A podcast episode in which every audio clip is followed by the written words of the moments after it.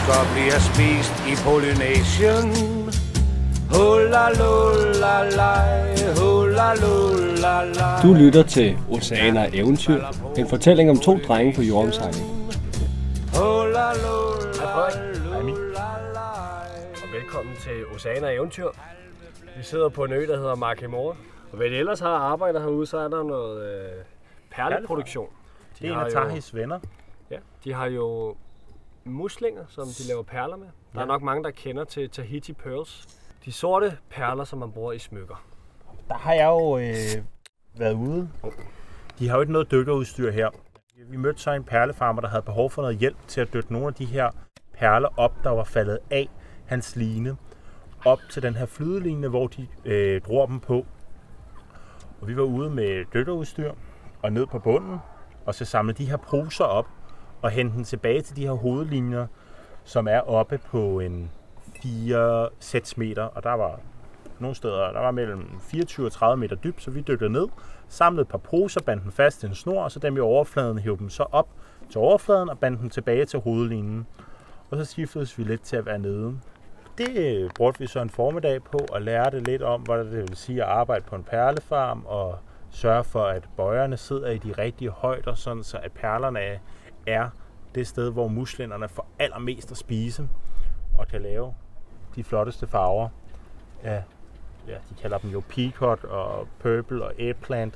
Det er egentlig en ret interessant måde, hvordan de har sat et, en naturlig produktion. Altså ligesom når, man, når en landmand øh, har en plante, der skal vokse, ikke? og Ja. lave majs for eksempel. Der har de så valgt, eller opdaget, at der er det her dyr, som er en, øh, en musling.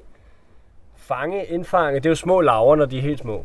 Dem indfanger de med nogle lange plastiktråde, der ligger filtreret sammen i havoverfladen, og så fanger de dem ligesom, når strømmen driver forbi.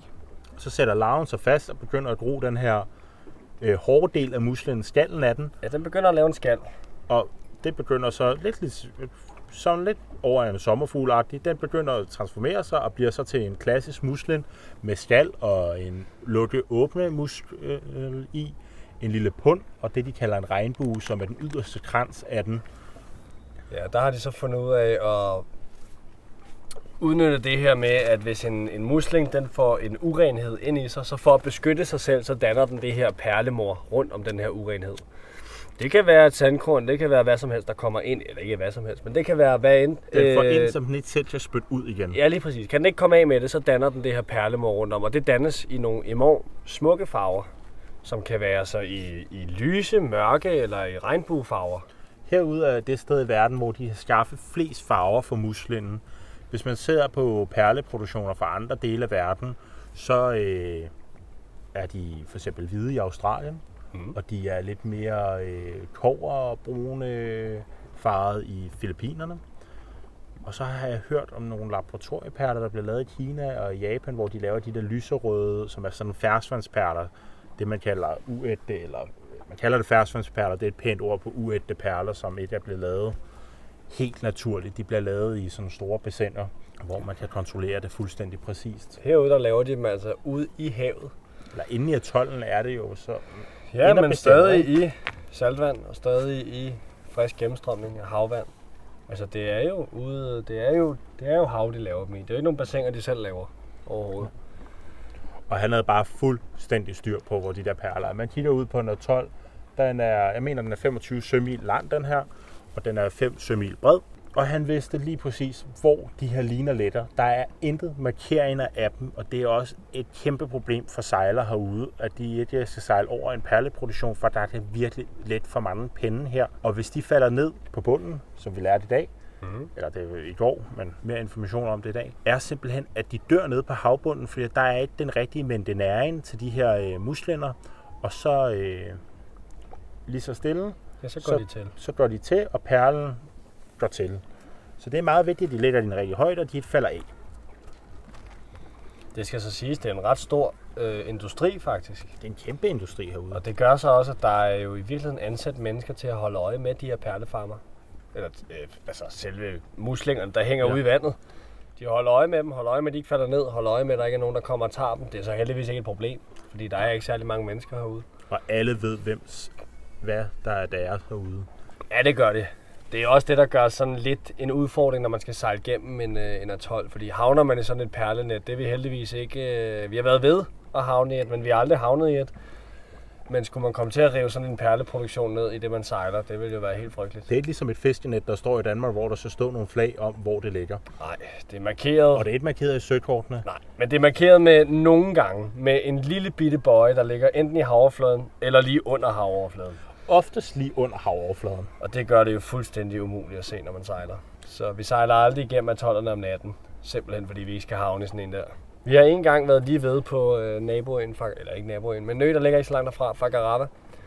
Der sejlede vi igennem, og lige inden det blev mørkt, der var vi lige ved at havne i sådan en perleproduktion der. Men heldigvis så opdagede vi dem, inden vi røg ind i, og så trak vi faktisk... Vi ville ikke tænde hovedmotoren, fordi der sidder propellen ned under vandet, og vi kunne ikke holde øje med, om der lå et reb nedunder, som vi ville komme til at rive i stykker. Så vi tog faktisk og trak båden med gummibåden, fordi så var vi helt sikre på, at vi ikke ville havne i nogen fiskenet. Så flyttede vi Eller i hvert fald lige øh, den roterende skrue næsten en meter højere op. Ja. Og man kan sagtens trække Nautilus med vores gummibåd. Det fungerer fint. Ja, man kan sige, der er 50 heste på øh, gummibåden, og der er 75 på øh, skibet. Ikke? Vi har været også ude at fiske meget. Vi er tre drenge ombord, og vi kan rigtig godt lide at have vores mandetid. Og vi kan rigtig godt lide at have vores mandetid for os selv. Og der øh, tager vi altså på fisketur. Der er ikke noget ondt i det, men det er så frygteligt dejligt, når man øh, bor mange mennesker sammen, og så kunne tage på nogle afstikker en gang imellem. Hvor man ikke skal forholde sig til øh, 8-9 mennesker, som vi plejer at være, men øh, bare forholde sig til de tre, vi så er ombord i gummibåden. Så vi har de sidste morgener øh, sat vækkeuret til klokken Lidt i fem. 4-5 stykker, og så er vi taget afsted. Og Liam, kan du ikke beskrive, hvordan, hvordan det foregår, når vi tager afsted, og hvad det er, vi skal?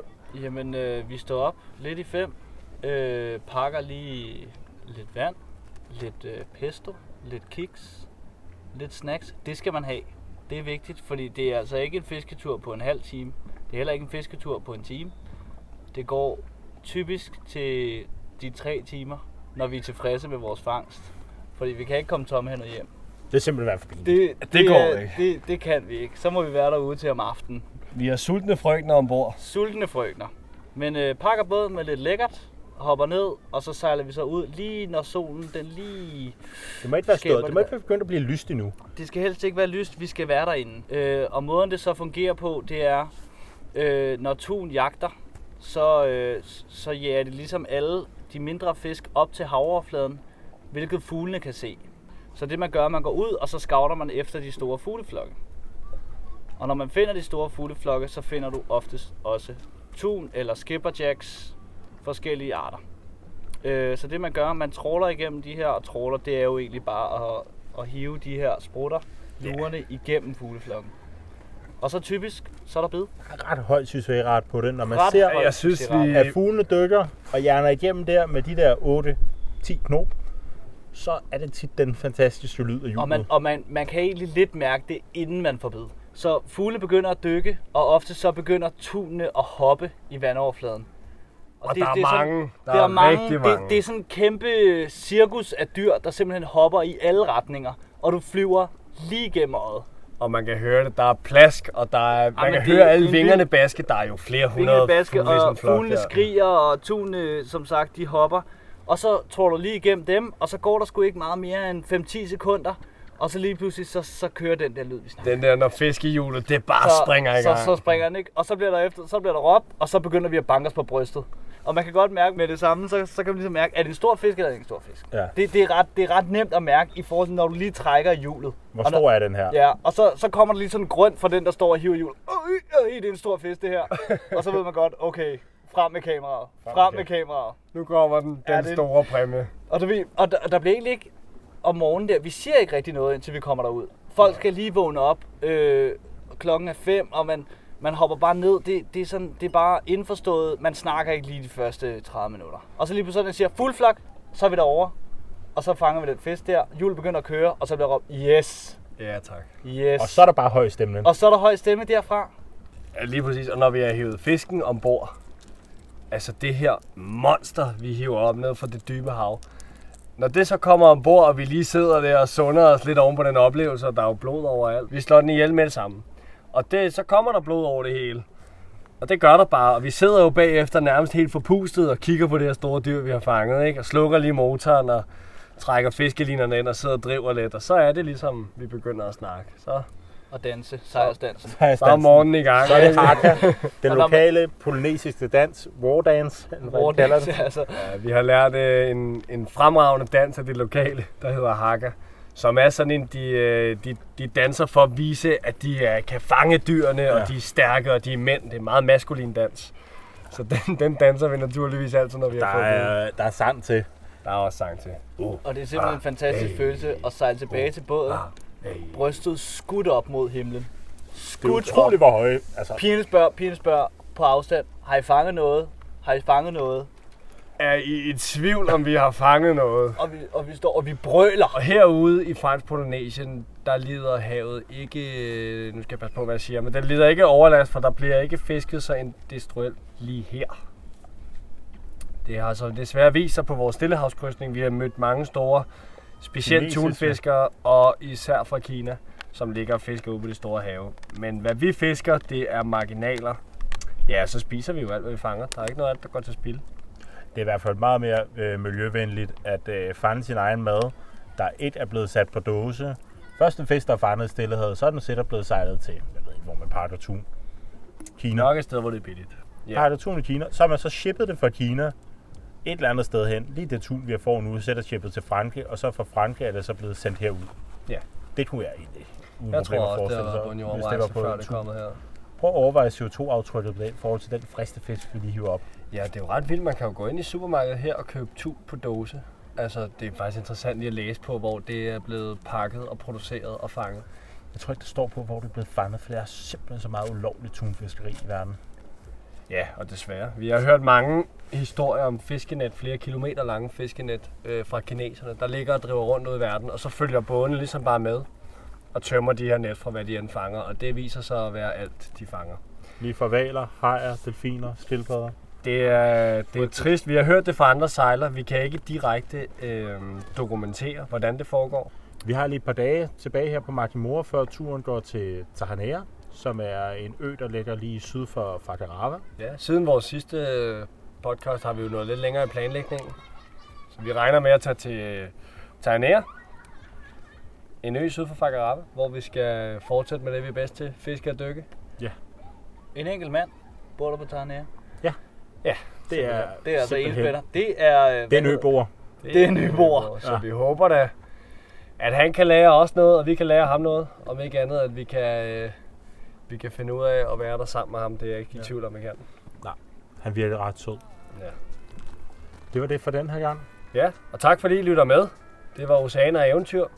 En lille snært af oplevelserne ude fra det store verden. Jeg hedder Emil. Jeg hedder Frederik. Og jeg hedder Liam. Tak fordi I lyttede med. Okay. La la